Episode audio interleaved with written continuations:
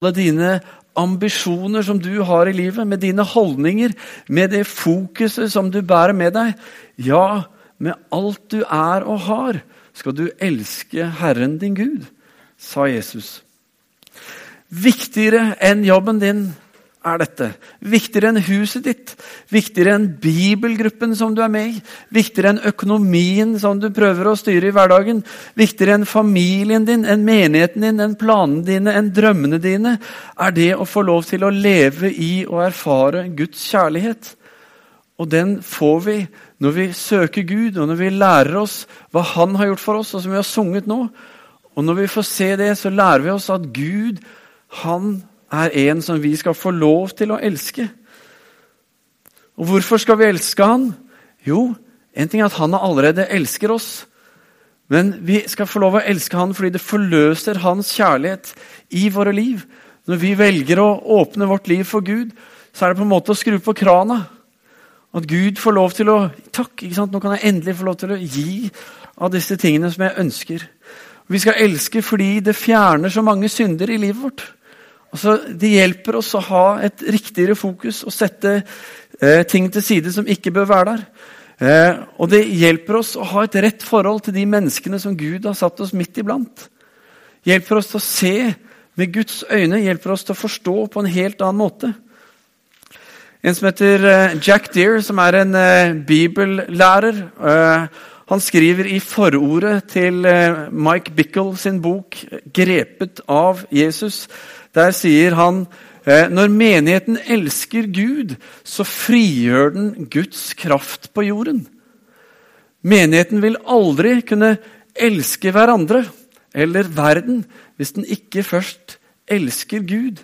Å elske Gud er kilden til alt godt, alt det som Gud har skapt, og som han har for oss. Vi er i en prekenserie nå som eh, heter Tro og hverdagsliv og en serie som vi går igjennom Jakobs brev i Det nye testamentet. Forrige søndag så snakket pastor Inger Kittelsen om eh, det å holde seg nær til Gud og leve nær til Han. For om ikke vi er bevisste på å leve nær til Gud, så blir vi eh, ganske lett, og faktisk ganske naturlig, så blir vi drevet vekk fra Gud. Fordi naturen vår er en syndig natur, og den søker ikke Gud. Så Hvis ikke vi er bevisste på å søke Gud, så dras vi automatisk bort. Og djevelens strategi, som Jakob eh, også er inne på, som eh, Inger snakket om, det er å få egentlig alle til å være eh, lite opptatt av Gud. Og aller helst opptatt av noe annet. At ikke Gud skal være så viktig, og at det er andre ting som skal få ta oppmerksomheten vår. Da har djevelen vunnet på mange måter. Derfor bør vår strategi være, som Inger sa, å holde oss nær til Gud. Nærmest mulig Han. Teksten vår i dag, som eh, går fra Jakob eh, kapittel 4, vers 13, til Jakob kapittel 5 og vers 6, eh, der adresserer Jakob to menneskegrupper spesielt. Han snakker for det første til de selvsikre. Han snakker om de som ikke tenker på å involvere Gud i hverdagen, i livet. De tar sine valg og ordner opp og har liksom kontroll. Og klarer dette. Det er ikke så avgjørende at Gud er med i alle ting. Han er liksom ikke hverdag for de på samme måte. De tror på han, kan godt, det gjør de gjerne. Men det er liksom ikke den der integreringen bevisst. Og så snakker Jakob også, eh, over i kapittel 5, snakker han til de rike. De som er mer opptatt av rikdom, enten sin egen eller den rikdommen de en dag skal få, eller all rikdommen som andre har, eller hvordan det er som er opptatt av å nyte og ha det beste i livet, langt mer enn det de er opptatt av menneskers frelse. Disse to er det Jakob snakker til i den teksten som vi skal se litt på i dag. Og Jakob, Når han skriver dette, så skriver han til de kristne menighetene. Hvor det er altså jøder som er blitt kristne, som er rundt omkring utenfor Israel. Og, eh, så dette er noe han sier til menighetene. At dette er noe som skjer i menigheten, og dette er noe som vi må adressere og se på. Tittelen til dagens tale den er 'Se opp'. Se opp, vær bevisst på det som skjer rundt. For å ikke regne med Gud på den ene siden, og det å bli fanget i jag etter rikdom og andre ting på den andre siden, det er to fallgruver som ligger nær for oss. For vi har det så bra at vi lett kan planlegge og tenke det vi vil, uten å se at Gud skal være en del av det. Vi kan liksom bare glemme det.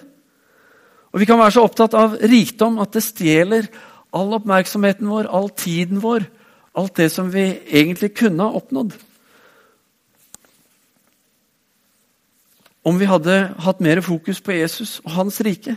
Derfor må vi se opp. Vi må være på vakt mot disse tendensene.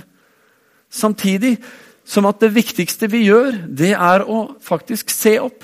Det er å vende blikket vårt mot Gud, mot Han som er vår frelser. For det er nemlig den sterke og nære relasjonen til Gud som er det første og viktigste i vår tro og i vårt hverdagsliv. Jakob han utfordrer den selvsikre, han som legger planer for morgendagen, som om morgendagen var en selvfølge. Og det tenker jo vi. Morgendagen er jo en selvfølge. ikke sant? Og de fleste mennesker, eh, i hvert fall i den vestlige verden, men også utover den, tenker at morgendagen på mange måter er en selvfølge. Vi har kontroll på den. Ikke sant? Samtidig så lever vi i en tid hvor nå det, i løpet av det siste halvåret så det, ser vi både i Norge og Europa hvordan hele verden forandres.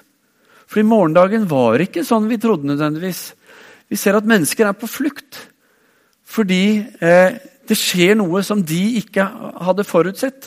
Og De er ikke på flukt fordi de ikke så morgendagen. Det er ikke det jeg sier. Men poenget er at du og jeg vi har ikke kontroll over morgendagen. Plutselig en dag så får vi en telefon ikke sant?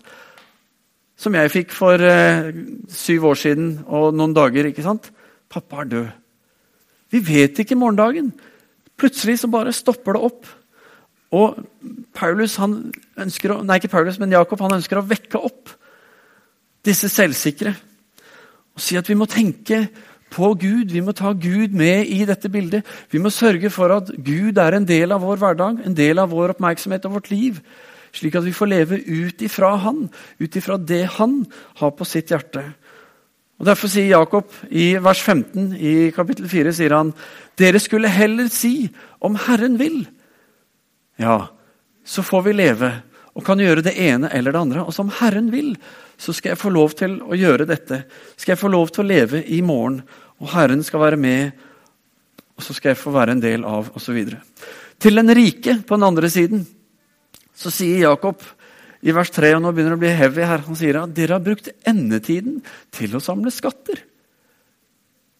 Og I vers 5.: Dere har levd i luksus og overflod på jorden og gjort hjertene fete til slaktedagen.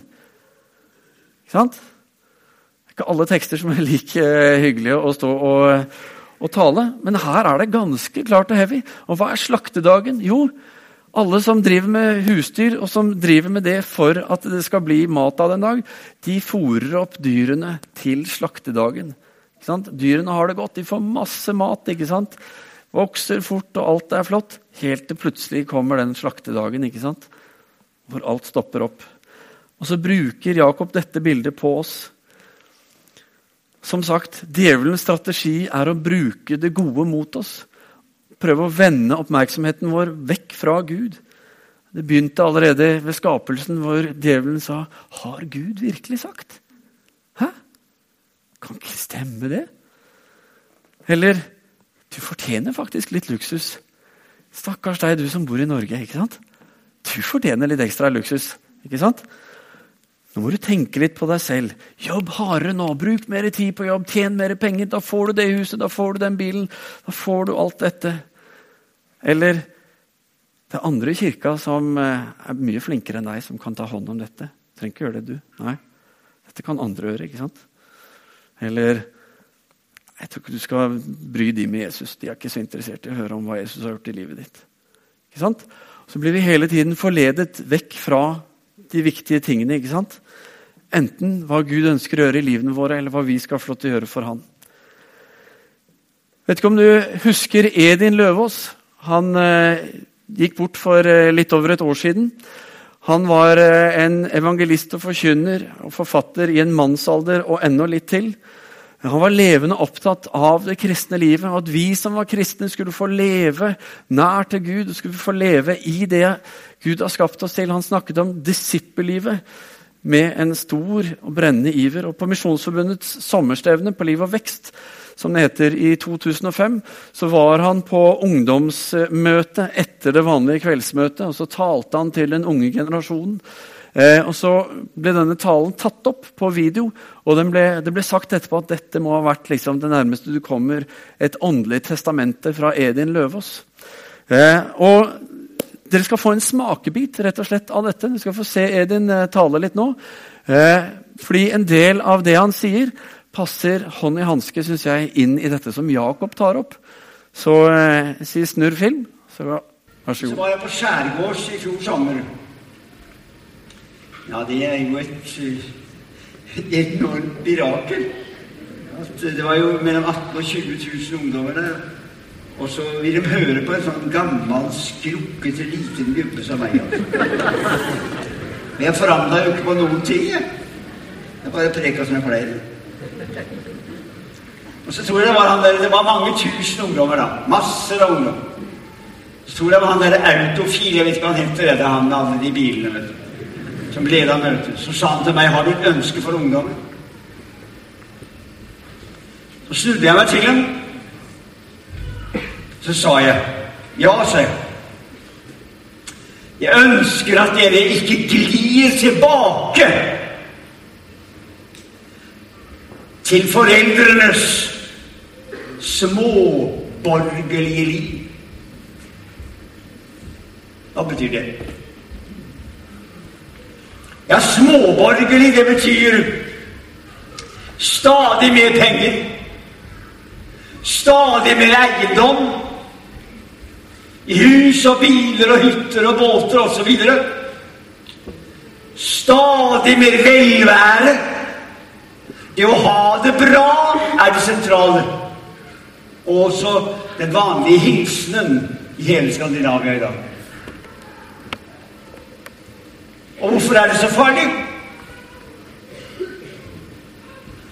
For da har man nemlig ingen, ikke noe overskudd og tid til å leve disippelliv.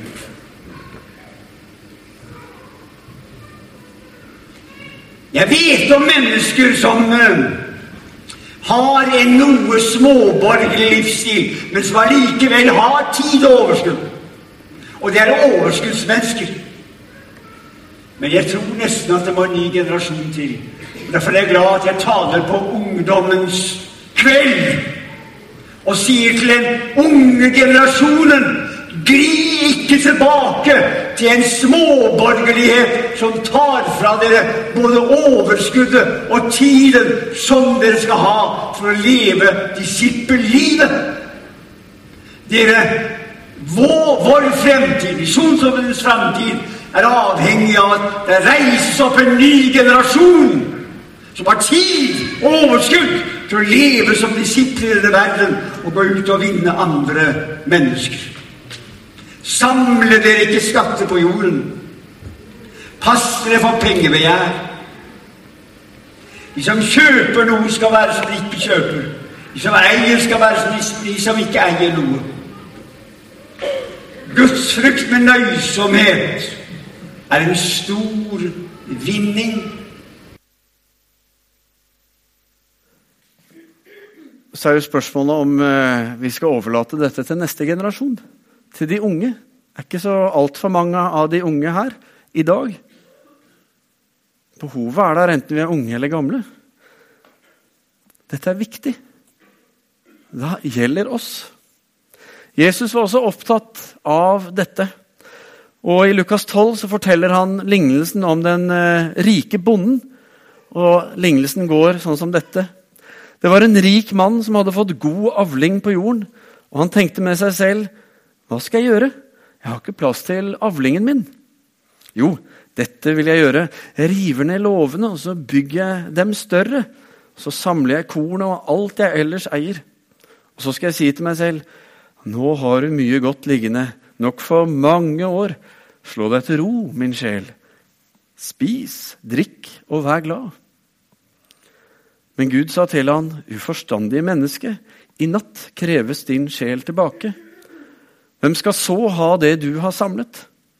Slik går det med den som samler skatter til seg selv og ikke er rik på Gud. Så forteller Jesus denne lignelsen, for det kommer en mann og spør han, du, jeg står i en sånn arveskifte her, skjønner du, ikke sant? og så trenger jeg noe råd. Så sier Jesus, skal jeg liksom svare på det? Så kommer han med en advarsel før han deler denne lignelsen. Så sier han i vers 15, rett før dette vi leste, sier, ta dere i vare for all slags grådighet, også den du føler du har krav på gjennom arv. ikke sant? All slags grådighet. For det er ikke det en eier, som gir liv, selv om en har overflod. Vårt trosliv, våre barns trosliv, neste generasjons trosliv, vår nestes evighet, trenger at vi som kjenner Jesus, og som har fått lov til å ta imot Han som frelser i våre liv, at vi gjør Han til det viktigste. At vi begynner å leve ut ifra hvem vår Gud i himmelen er. At vi ser opp til Han og søker Han i alle ting. For om vi kjenner Gud og Hans frelse, men ikke tar den alvorlig, ja, da synder vi faktisk, ifølge Jakob. I vers 17 i kapittel 4 sier Jakobs midt, i Jakob midt imellom disse to eh, fokusene som han snakker til, så sier han dere som vet hva, eh, Den som vet hva godt han burde gjøre, men ikke gjør det, han synder. Så synd handler altså ikke bare om det onde jeg gjør, men også det gode jeg ikke gjør. Det handler om å ta Gud på alvor, og det handler om å ta livet og menneskene som Gud har satt oss midt iblant, og ikke minst oss selv, på alvor.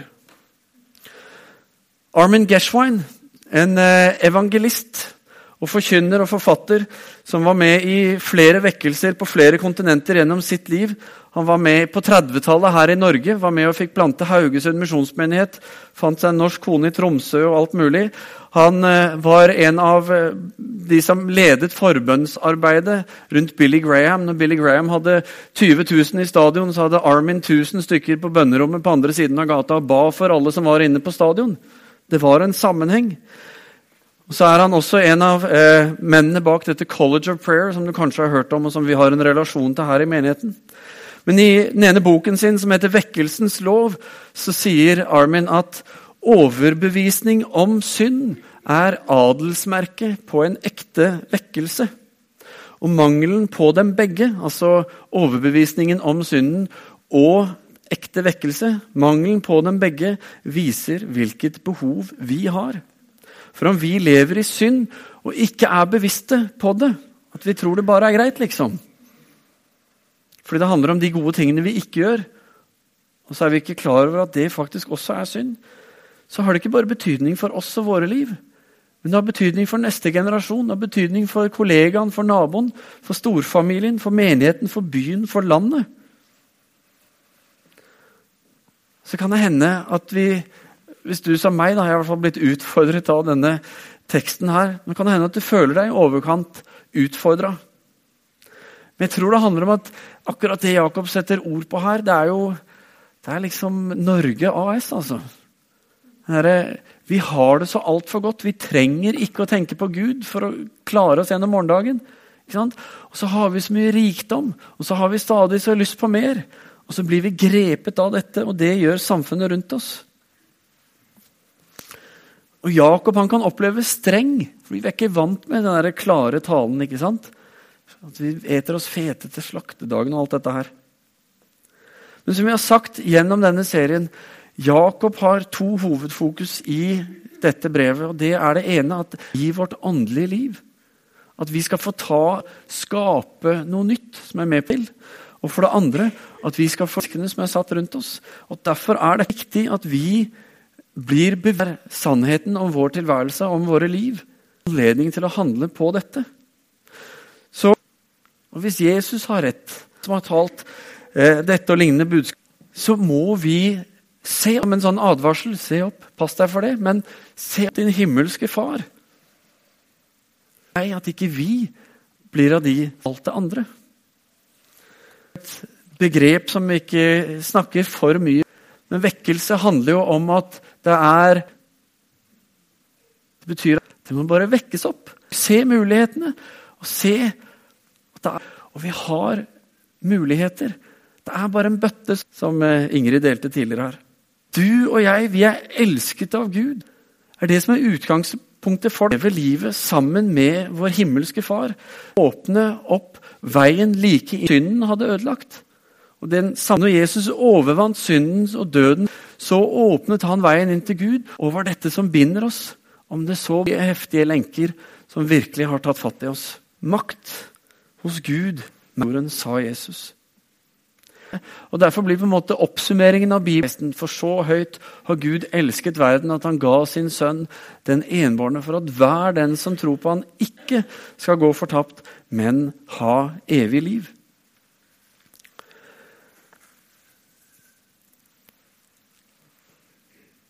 Gud har gjort alt i sin makt for at eh, du og jeg skal få leve i hans kjærlighet. Få lov til å leve i hans kraft, hans nåde. For det er ut ifra denne nåden, denne kraften, dette fellesskapet, at vi er skapt til å leve og være. Så er spørsmålet da, Hva kan vi gjøre for å bygge et mer bevisst forhold til Gud, slik at våre erfaringer av ham hvem han er og hva han har gitt oss, skal få lov til å vokse i oss. Og dermed også hans kjærlighet vokse i oss. Både så vi kan elske han mer, men også elske vår neste mer. Arne Skagen, som er en uh, forkynner og forfatter uh, fra Kristent Nettverk, han har en tale med tittelen 'Kongen befaler'. Har du vært med på den leken? Vi hadde den på konfirmasjonsundervisningen nå på fredag. Kongen befaler, alle reis dere opp. Det er ingen som har vært med på den leken. ikke sant? Nå skulle egentlig alle ha reist seg, men de skal ikke, trenger ikke gjøre det. Men det er sånn leken er. ikke sant? Kongen befaler. Og så har han disse fire punktene. Se opp, se ned, se ut, se inn. Eller nå ut og nå inn. Og skal, han bruker tre kvarter på denne talen og kunne sikkert brukt enda lengre tid. Eh, mye bra stoff der, men bare for å hjelpe oss, for her er det fire Eh, enkle, lette å huske hjelpeknagger som vi kan ta med oss inn i hverdagen, og som jeg tror vil eh, hjelpe oss. Hvis vi bare husker disse fire, se opp, se ned, nå ut, nå inn, så tror jeg vi eh, kan få mye hjelp med det. Vi tar fort gjennomgang av det. Det første han sier, er 'se opp'. Som vi har snakket om, Vend blikket mot Gud. Relasjonen vår til Gud vil alltid være det viktigste, for det er der det hele begynner. Hvis ikke det begynner der, så begynner det på feil plass. Da har det feil premisser, feil utgangspunkt og blir ledet på feil vis. Fordi Uansett hvordan vår hverdag ser ut, hvordan den forandrer seg, enten den faller sammen eller aldri har vært så stor og fantastisk noen gang, så er Gud alltid der og vil alltid være der og ønsker å være en del av den hverdagen. Da er det så viktig at vi vender blikket mot Han. Akkurat som Gud sier om seg selv at hans navn er 'Jeg er' som forteller noe om at han er en sånn evig værende, bare til stede. Eh, ikke sant? Så tror jeg Gud ønsker på samme måte at vi skal erfare at i Han så kan vi si 'Jeg er'. For det er der det hele begynner. Det å få lov til å være hos Gud. Og si 'Jeg er i Han'. Jeg er hos Gud. Her får jeg hvile. Her får jeg ta til av alt det gode som Han har gitt meg. For det er ut fra den sannheten at Gud kaller oss. Det er her eh, troslivet og hverdagslivet er ment å starte. For med det utgangspunktet så er ingenting umulig. Alt ligger foran oss. Det andre er se ned. Og det handler om å se verden rundt oss med Guds øyne, med hans perspektiv. Vi har så lett for å begrense oss til våre egne tanker, vårt eget perspektiv. Og da ender vi ofte opp med å beskytte oss selv. 'Nei, jeg tror ikke helt, jeg kan ikke, jeg er ikke sikker.' Fordi vi ser ikke hva Gud har skapt i menneskene rundt oss, i dem eller i oss ofte. Av det vi ser umiddelbart. Og vi trenger oss sitt perspektiv. At vi skal se tingene slik han ser det, og at vi lar oss En av våre verdier her i Misjonskirken er raushet. Dette om å utfordre seg mer enn det du pleier. Ta et er ikke sant? Og jo mer vi tenker vi ser at de tingene vi kanskje ikke trodde var Guds perspektiv i oss. Hva ville snakket om forrige søndag? Og Det tredje er arenaene våre. Jeg tror ikke at det er en tilfeldighet. Jeg tror Gud har en plan. Og jeg tror at det er ufattelig spennende hva Gud kan gjøre. Nettopp der hvor han har satt oss. Det ligger masser av muligheter i vår hverdag. Gud har kalt oss, han har utvalgt oss. Og Bibelen sier at vi skal få lov til å være med å synliggjøre Jesus nettopp i vår hverdag når vi handler på det Gud har for oss. Eh, ofte så begrenses vi av det umulige som sitter i hodet vårt. Fordi vi har andre opplevelser, andre tanker, og syns det er vanskelig å tro at det er mulig. Inger snakka også om dette sist søndag. hvor Hun sa ofte så vet vi godt hva som er sant, hva som er riktig, hva Bibelen sier. Men så legger vi liksom vårt eget perspektiv til og sier ja, men jeg tror jeg gjør det sånn. At dette er det som er riktig for meg. Å nå ut handler om å aktivt bli en del av det Gud gjør, og det han ønsker å gjøre gjennom oss i vår hverdag. Nå inn eh, handler om å være åpen for å lytte til Den hellige ånds innspill i vår hverdag.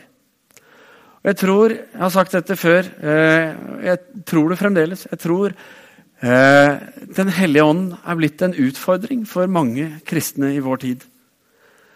Fordi jeg opplever at det er mange som opplever at dette med Den hellige ånd det er noe som skaper litt utrygghet, litt frykt. Fordi vi er redd for at vi skal bli det vi har sett hos andre, eller opplevd eller eh, tror at det kanskje kan være. Vi er redd for å miste kontroll. Vi er redd for å bli noe som vi ikke selv har tro på. Som om Gud ville lede oss inn i noe riv ruskende galt, liksom. Som bare ikke hørte til. Jeg tror at eh, den største gaven Gud har gitt menigheten, den største gaven han har gitt oss som kristne, er Den hellige ånd. Jesus snakket masse om det. Og han sa, 'Vent i bønn', så skal dere få det som er lovet, Den hellige ånd. Og så er Den hellige ånd nøkkelen til det livet vi er kalt til å leve, til det denne menigheten er ment å være. Fordi Den hellige ånd er med på å forløse det kristne livet. Og gi oss kraft og nåde og styrke til å se misjonsbefalingen skje. Og jeg tror at Når vi våger å slippe Han til og Det handler om å slippe Gud til. La Gud være Gud. Så tror jeg ikke det er noe hokus pokus, men det handler bare om å si Vet du hva, Gud? Jeg vil ha alt av deg. Jeg har ikke lyst til å bare gå og kjenne på frykt for noe av deg og glede over noe annet. Jeg vil ha alt. For jeg tror at summen av alt det du har, er definitivt bedre enn det jeg har fått så langt i livet. Og Så blir det store spørsmålet, da, som vi skal avslutte med. Hva er det Gud sier til deg? Og hva gjør du med det? Hva er det Gud taler inn i livet ditt, og hva gjør du med det? Det handler ikke bare om denne talen i dag, men det handler om når du sitter på bussen i morgen, eller er på jobb, eller hvor du enn er. Så hva sier Gud til deg, og hva gjør vi med det? Poenget er at Mange av våre valg tas på grunnlag av hva vi har gjort og fått til. Vi ser bakover og så opplever vi at nei, jeg klarer ikke, jeg er ikke så flink, jeg har ikke det som trengs. Jeg er ikke sånn som Alexander, jeg er ikke sånn som Karl Lag, jeg er ikke sånn som Karoline osv. osv. osv.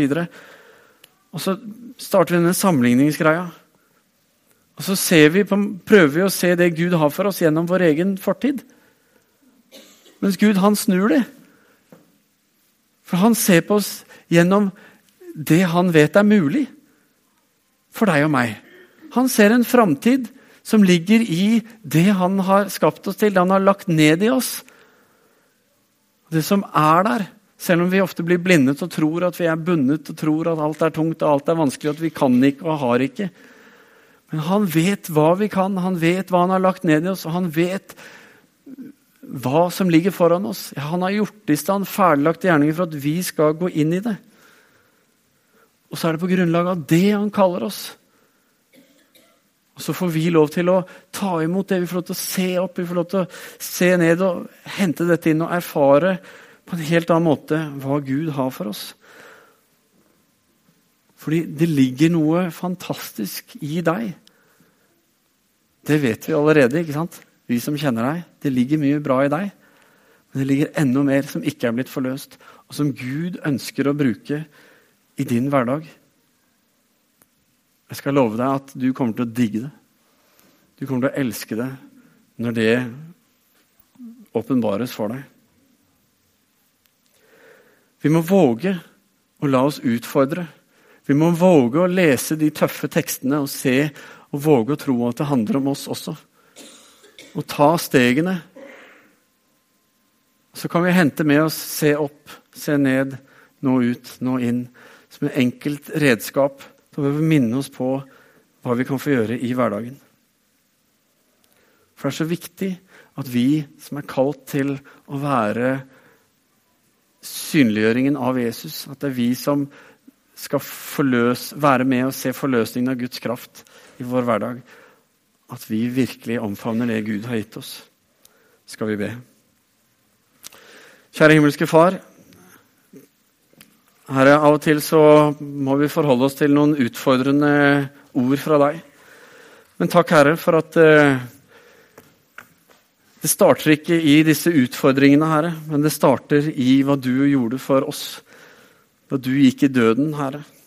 Da du tok på deg all vår synd, all vår skyld, all vår skam. Da du ikke bare ble såret, men du ble knust, Herre pga. våre overtredelser, pga. våre misgjerninger, pga. det gale som vi har i livet vårt.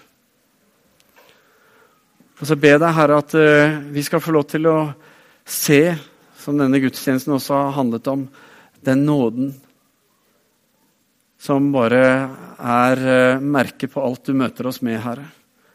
At vi skal se at det er det det handler om. Det handler ikke om det gale vi eh, ikke har gjort, eller, burde, eller, det vi burde ha gjort, som vi ikke gjorde Herre. Det handler om hva vi skal få lov til å gjøre i dag, hva vi skal få lov til å gjøre i morgen, og hva du skal få lov til å gjøre gjennom oss, Herre. Så jeg ber Herre at du skal tale til oss, at du skal utfordre oss, Herre. Og eh, at du skal lede oss, Herre, til å ta steg nærmere deg. Jeg ber i Jesu navn. Amen.